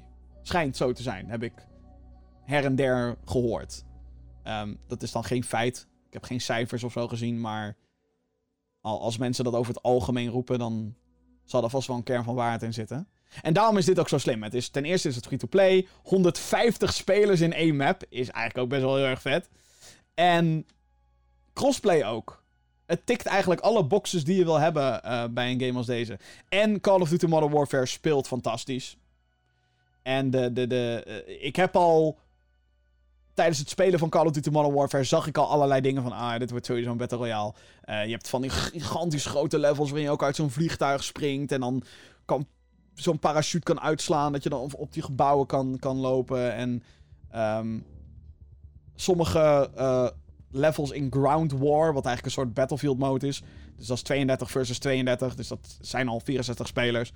Um, daar heb je al dat ze dat heeft gewoon een soort Battle Royale uitstraling, heeft het. En dat is niet alleen maar omdat het groot is, maar ook omdat ze bijvoorbeeld plekjes van andere Call of Duty levels in de grotere maps verwerkt hebben. Zoals ze dat ook deden bij Blackout, de vorige Battle Royale mode. Dus, uh, ja nee, zin in. Echt waar, zin in. Oh wel, ja. Totdat ik drie keer neergeknald word en dan zeg ik fuck it! Oké, okay, tot zover uh, de nieuwtjes. Dan is het natuurlijk tijd uh, voor het volgende. Heb jij een vraag voor de show? Mail naar podcast.gamergeeks.nl Jawel, jawel, jawel. En ik heb een hartstikke leuke vraag binnengekregen van Ruben. Bedankt voor je mailtje. Podcast.gaminggeeks.nl. Dus ik kan niet vaak genoeg zeggen. Podcast.gaminggeeks.nl. Um, ehm, wat zijn een paar van jullie meest unpopular opinions als het om gaming gaat? Groetjes van Ruben. Um, het is eigenlijk een beetje jammer dat ik deze show solo doe. Ik moest even nadenken over hoe ik die zin ging zeggen. Uh, um, maar uh, meest unpopular opinions. Dus zeg maar meningen van mij. Die. Waarvan de meeste mensen zullen zeggen. Nou. of dat ze zeggen. Bullshit. Nee, nee, nee, nee. Nee, nee, nee, nee, nee, nee. Oké. Okay. Unpopular opinion. Wat is een mening die ik heb wat betreft gaming. Die bij de meeste mensen waarschijnlijk. Oké, okay, um, uh, ja, uh, Animal Crossing is overrated, dames en heren. Oh, wat erg! Ik weet het. Ik zie al die hype rondom Animal Crossing New Horizons. En ik zie gewoon weer een Animal Crossing. Ik zie gewoon dezelfde fucking Animal Crossing game. Die ik op de Wii heb gespeeld. En dat is hartstikke leuk. En het is super charmant. En het is verslavend as fuck. Animal Crossing. Maar het is wel weer hetzelfde. Ja, maar Jim, nu kan je overal je kampeertentje neerzetten en kan je overal meubels plaatsen. Nou, Nintendo, godsamme, jezus. Nou, fucking hell. Wat goed. Nou, nee. Ik snap de hype rondom Animal Crossing niet. Ik snap het echt niet. Dat er een nieuwe aankomt en dat het weer leuk is, tuurlijk. Weet je wel, dat snap ik. Dat, dat gedeelte, geen enkel probleem mee. Dat mensen er weer, weer hyped ervoor zijn, oké. Maar de hype die er is rondom New Horizons... What the fuck? Maar goed, waarschijnlijk zullen mensen hetzelfde zeggen tegen mij over Doom Eternal. Ja, wat is het nou, joh? Eh, alleen maar grotere levels, meer vijanden, meer brute glory kills, veel, veel brute graphics, meer bewegingsvrijheid. Oh my god, deze game, ah, de hype voor Doom Eternal, dames en heren. Kan niet wachten op Doom Eternal. Je merkt het al, het perspectief wa- waarvan ik het uit vertel is een beetje anders. Eh ander unpopular opinion. Eh, waarom de fuck koopt iedereen nog steeds Pokémon games? Hè? Over, eh, kijk, dat, dat ik Animal Crossing zeg maar stil vind staan, is tot daaraan toe. Maar Pokémon. Holy fuck. Bij Pokémon denk ik echt bij elke game weer. Misschien ga ik er weer in, want Pokémon vond ik vroeger heel leuk. En dan zie ik weer wat een nieuwe game brengt. En dan denk ik, nah. Nah. Dat was zeker het geval met Sword and Shield. Ik dacht, jongens, dit is de fucking Nintendo Switch. Ik weet het, het is niet zo sterk als een PS4, maar... Jezus, daar kan toch wel wat meer... Meer jeu aan vastzitten dan, dan wat dit is. Come on. Ja, what the fuck. Hè? Dat. Eh, heb ik ook nog een positieve unpopular opinion, want dat kan natuurlijk ook. Ehm... Anthem heeft eh, meer haat gekregen dan dat het verdiende, zeg ik bij deze. Eh, ja, die game was boring as fuck. En ja, dat had natuurlijk veel beter en zo moeten zijn, weet ik het allemaal. Maar heel veel mensen die, die, die schilderden het af alsof het echt de allerslechtste game aller tijden was. En dat is fucking bullshit. Jongens, het is gewoon een best wel saaie game. Waarbij zeker het RPG-gedeelte, daar is niet over nagedacht. Maar is het zo fucking slecht? Nee, het is vooral heel saai, Anthem, helaas. Eh, wat nog meer? Bioshock 2 heeft de beste gameplay van de trilogy. There, I said it. Beste verhaal? Nee. Beste setting? Nee. Beste gameplay? Gewoon puur gameplay? Dan denk ik Bioshock 2. De beste. Ehm... Ja, en het is eh, volgens mij ook een beetje controversieel of unpopular om te zeggen dat Batman Arkham Asylum beter is dan Batman Arkham City. Maar dat is misschien ook weer heel erg. Ik weet niet of dat unpopular is eigenlijk. Laat hem even weten. Podcast.gaminggeeks.nl. Wat is nou een mening van jou? Van jou, de luisteraar. Jij die hier nu naar luistert. Wat is een mening van jou die gewoon totaal niet gedeeld wordt? Niet over het internet niet, niet door je vrienden niet. Let me know. Podcast.gaminggeeks.nl. Ik wil het weten. Ik krijg ook nog een, eh, een mailtje van Mofo. Staat hier, groetjes Mofo. Hey Jim, welke games ben jij nou echt hyped voor? Komend in 2020, 2021. Mijn persoonlijke nummer 1 hype point is Breath of the Wild 2 en Cyberpunk. Ehm nou ja, ik noemde het al. Doom Eternal is voor mij echt... eh Oef. Kan er niet op wachten, Doom Eternal. Nog, eh, nog, nog 11 dagen. Wat zei ik? Ja, ja, het is 9 maart, 20 maart komt hij uit. Oh my god! Moment van opnemen, hè. Woehoehoe.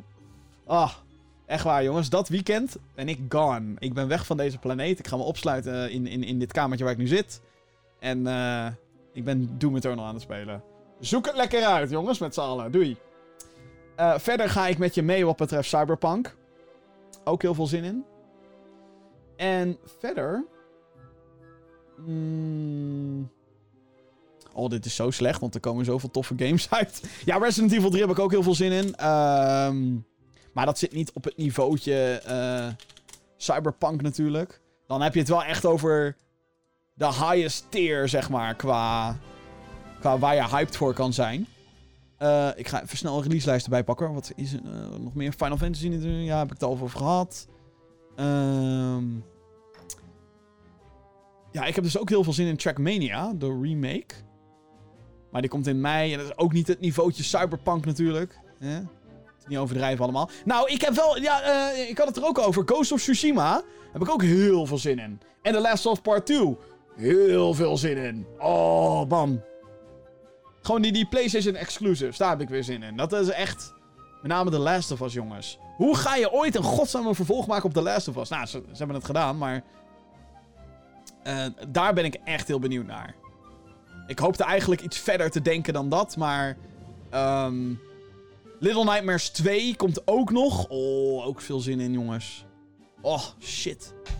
Ik wil mezelf nu eigenlijk gewoon in een coma laten, laten slapen, weet je wel? Gewoon zo, doei. Maak me maar wakker als, als dat allemaal uit is. En geef me dan vervolgens twee maanden vrij of zo. Um, ook ben ik gewoon weg benieuwd naar... Um, waar PlayStation mee gaat komen voor de PlayStation 5. Weet je wel, want... Ik, ze houden zo lang al hun mond dicht. En ik had het er al over hè, in deze show dat ze eigenlijk verder niet weten waar PlayStation mee gaat komen. Hetzelfde geldt trouwens ook voor Nintendo. Wat komt er na Animal Crossing eigenlijk? Vanuit Nintendo voor Nintendo Switch. We hebben geen idee. Dus um, Metroid Prime 4. Let's go. Hype. Uh, Metroid Prime Trilogy graag.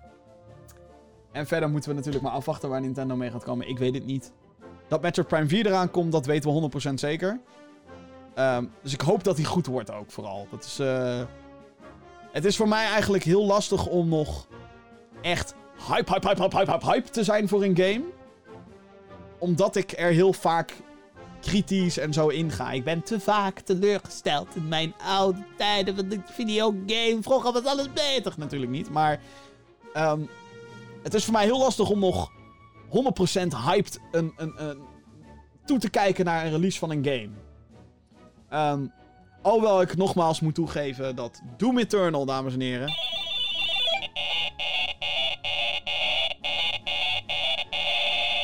Zoveel zin in. Zoveel zin in. Maar ook daar zit weer... Wat nou als Bethesda het verneukt? Weet je, een beetje dat. Dat, krijgen we dan weer. Dat is gewoon... Jammer. Dat dat natuurlijk het geval is. Dus... Uh, ja. Uh, ik blijf, en ik vind het ook ergens gezond. Dat ik met een soort kritisch oog overal naar blijf kijken. En, uh, en dat. Maar uh, Breath of the Wild 2. Ik ben benieuwd. Ik vond de eerste Breath of the Wild persoonlijk... Oh ja, over unpopular opinions gesproken. Breath of the Wild is overrated. Bij deze. Nog een unpopular opinion. Een niet populaire mening. Ik voel... Oh, jezus, zo. Daar komt nog... Oké, last minute mailtje dan. Op het moment van opnemen. Jezus.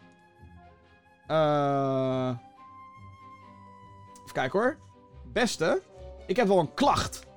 Oh jee, een klacht. Uh, dat er naar mijn mening weinig goede co-op games zijn. Bijvoorbeeld A Way Out. Tegenwoordig zitten we in een multiplayer periode, zeg maar. De game waar ik echt op zit te wachten is natuurlijk The Last of Us Part 2. Groetjes van Glenn. Um, het onderwerp van de mailtje is ook... Hey, jij vroeg een klacht. nee, ik vroeg een unpopular opinion, zeg maar. Dat vroeg ik. Een mening die niet populair is. Um, eentje die ik zou aanraden... En dan moet ik daar waarschijnlijk een disclaimer bij gaan uitleggen, maar dat maakt niet uit. Uh, eentje die ik dan zou aanraden is We Were Here.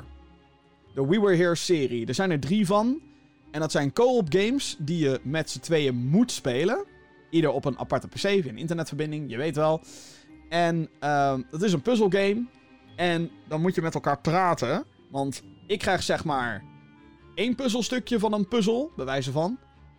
En de ander, uh, in een andere ruimte waar jij niet bij bent, die krijgt een ander puzzelstukje. Maar dan moet je die puzzelstukjes moet je aan elkaar zien te omschrijven, zodat je samen tot een antwoord kan komen.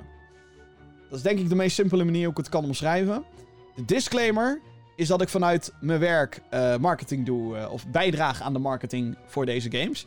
Dus bij deze dikke disclaimer, dikke disclaimer, dikke disclaimer. Maar, alsnog raad ik ze aan. Godsamme, de mailtjes blijven nu doorkomen. Eh... Mofo, die...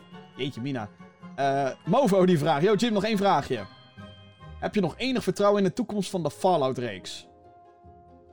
Ben het met je eens dat Breath of the Wild overrated is, though? Haha, oké. Oh, nou, eh. Ehm, heb ik nog vertrouwen in de toekomst van de Fallout-reeks? Hmm. Kijk, Fallout is natuurlijk een beetje verneukt nu door eh, Fallout 76. Ehm, sterker nog, ik zou bijna willen beweren dat Fallout 4 al geen stap in de goede richting was voor Fallout. Het was een beetje. eh, Oh jongens, laten we het lekker mainstream maken. En ik vond Fallout 4 nog steeds een hele leuke game. Alleen, ik vond Fallout 3 veel beter toen de tijd. Ehm, en New Vegas vond ik veel beter. Gewoon omdat dat. Je was veel meer in die wereld. En je was veel meer. Oh shit, mijn keuzes hebben gevolgen. En. Natuurlijk was dat in Fallout 4 ook wel aanwezig, maar. eh, dat gewoon elementen dat ik dacht. Nee, dit, dit hoeft niet voor mij in, in, in mijn Fallout. Mijn Fallout. Ehm, de enige manier hoe, hoe ik eigenlijk echt kan weten of Fallout ooit nog wat gaat worden, is wat er gebeurt met de volgende projecten die Bethesda, de makers van het tegenwoordige Fallout, wat hun volgende projecten gaan worden. Eh, Fallout 76 is een, een drama op alle fronten. Ehm, maar is daarnaast natuurlijk niet het nieuwe hoofddeel in Fallout. Het, heet, het is niet Fallout 5. Ehm, gelukkig. Oef. Als het Fallout 5 had geheten, dan had ik gejankt, denk ik. Dan had ik echt zoiets al gehad. "Ah, het is voorbij. Ehm, gek trouwens, hoe een getalletje in een titel heel veel kan veranderen. Ehm, vanuit mijn perspectief dan. Maar. Ja, ik weet het niet. Het ligt er echt aan hoe Starfield en hoe Elder Scrolls 6 gaan vallen. Eh, en stiekem hoop ik dat Bethesda de licentie ook een keer aan een andere fucking goede studio wil geven. Die er wat. Misschien iets nieuws ook weer mee kan doen, maar dan wel. Nieuw. Wat oud is, is nieuw. Een beetje dat, dat idee. Dat ze dat erin kunnen implementeren. Eh, of dat ze zelf gewoon wakker worden en een goede game gaan maken. Ja, ik weet niet. Ehm ik, ik, ik, durf, ik durf hier eigenlijk geen uitspraak over te doen. Want daar voor hetzelfde geld duurt het 20 jaar voordat er een nieuwe goede Fallout game uitkomt. En dan kunnen we natuurlijk met z'n allen zeggen: hey, Fallout is terug. Hey, dat een donkere periode, maar hey, Fallout is terug. Ehm, ik durf dat eigenlijk niet eens zo goed te zeggen. Het is natuurlijk wel zo dat als er nu een nieuwe Fallout wordt aangekondigd, ongeacht wanneer dat is, en welke studio erachter zit, dat we natuurlijk wel allemaal met scheve ogen naar Bethesda gaan kijken van... mhm, mhm. Ga je het... mhm? Beter, beter wordt het goed, Bethesda. Beter... Misschien dat Bethesda zich daar trouwens niet eens aan wil branden de aankomende tien jaar. Dat ze denken... Fuck it. Weet? We hebben genoeg geld gehaald uit Fallout met die... Met die, met die eh, hoeveel zijn het er in totaal? Vier games die we hebben gepubliceerd. Dus fuck it. Nu Elder Scrolls weer en Starfield en... Whatever de fuck we nog meer eh, uitbrengen. Eh, ze brengen natuurlijk veel meer uit dan dat Bethesda Game Studios maakt. Ehm, maar ja, meer dan dat kan ik er eigenlijk ook niet over zeggen. Goed, ehm, bedankt allemaal voor de mailtjes. Eh, die kwamen even nu zo tijdens de opname kwamen die allemaal binnen. Tijdens het, het- streamen van de opname. Dus ja, ik zou zeggen, dames en heren. Heb jij een vraag voor de show? Mail naar podcast.gamergeeks.nl En daarmee zijn we aan het einde gekomen van deze 121ste aflevering van de Gaming Geeks podcast. Ik zei volgens mij aan het begin van deze show dat deze wellicht wat korter kan duren. Ha! Mislukt. Eh, anyway, wat ik vooral eh, van harte aanraad om te doen is als je deze show enigszins leuk vond, dat je dan abonneert op dit programma. Dat kan via je favoriete podcastdienst. Dan krijg je deze elke week gewoon binnen wanneer er een nieuwe beschikbaar is. Spotify, Google Podcast, Apple Podcast, welke podcastdienst dan ook. Tik in Gamer Geeks Podcast en je vindt onze feed, zoals het zo mooi heet. Abonneer en als je een recensie kan achterlaten ehm, en je wilt ons steunen, doe dat. Een positieve recensie natuurlijk, als je deze show leuk vindt. Mocht je een videoversie willen zien van dit eh, hele gebeuren, dat kan ook. Eh, die kan je vinden op youtube.com slash gaminggeeksnl, waar ik trouwens ook alle abonnees van harte welkom. Dus kom erbij, kom erbij, kom erbij. En verder maken we natuurlijk meer dan alleen maar deze podcast. Dat kan je allemaal vinden op gamergeeks.nl. Dat is de website gamergeeks.nl. Daar kan je onder andere vinden Gamer Geeks Next. Het overzicht, het maandelijkse overzicht van de meest opvallende en belangrijke games die uit gaan komen. We posten daar elke week ook. Elke week gewoon, hey, deze games komen er deze week uit. Deze week bijvoorbeeld Ori and the Will of the Wisps. Holy shit, was het al niet druk genoeg? Shit, ik moet de eerste nog uitspelen. Fuck. Nou, um, als je dat ook wil meemaken en je wil gewoon weten, goh, wat komt er allemaal uit? GamerGeeks.nl. Natuurlijk ook reviews, previews en nog meer. Ik ben bezig met nieuwe video's. Onder andere over Warcraft 3 Reforged. Ja, nog steeds. Ik heb het lastig om die game te reviewen. Zo lastig. Ik, ik, eh, het is een uitdaging voor mij om daar echt exact de juiste gedachten op papier te zetten. Maar uh, daar ben ik mee bezig in ieder geval. En uh, ik heb samen met Medegeek Jeroen Zombie Army via deze week eindelijk uitgespeeld. Dus uh, daar kunnen we binnenkort ook wat over gaan maken. Dus komt allemaal goed. GamingGeeks.nl zou ik aanraden. Dames en heren, hartstikke bedankt dat je het weer zo lang hebt volgehouden om uh, naar, naar mij te luisteren. Letterlijk en figuurlijk. Wordt een beetje emotioneel van. Dankjewel voor het luisteren naar de 121ste podcast. Uh, Gaming Geeks podcast. Tot de volgende keer. Heel graag. En doei.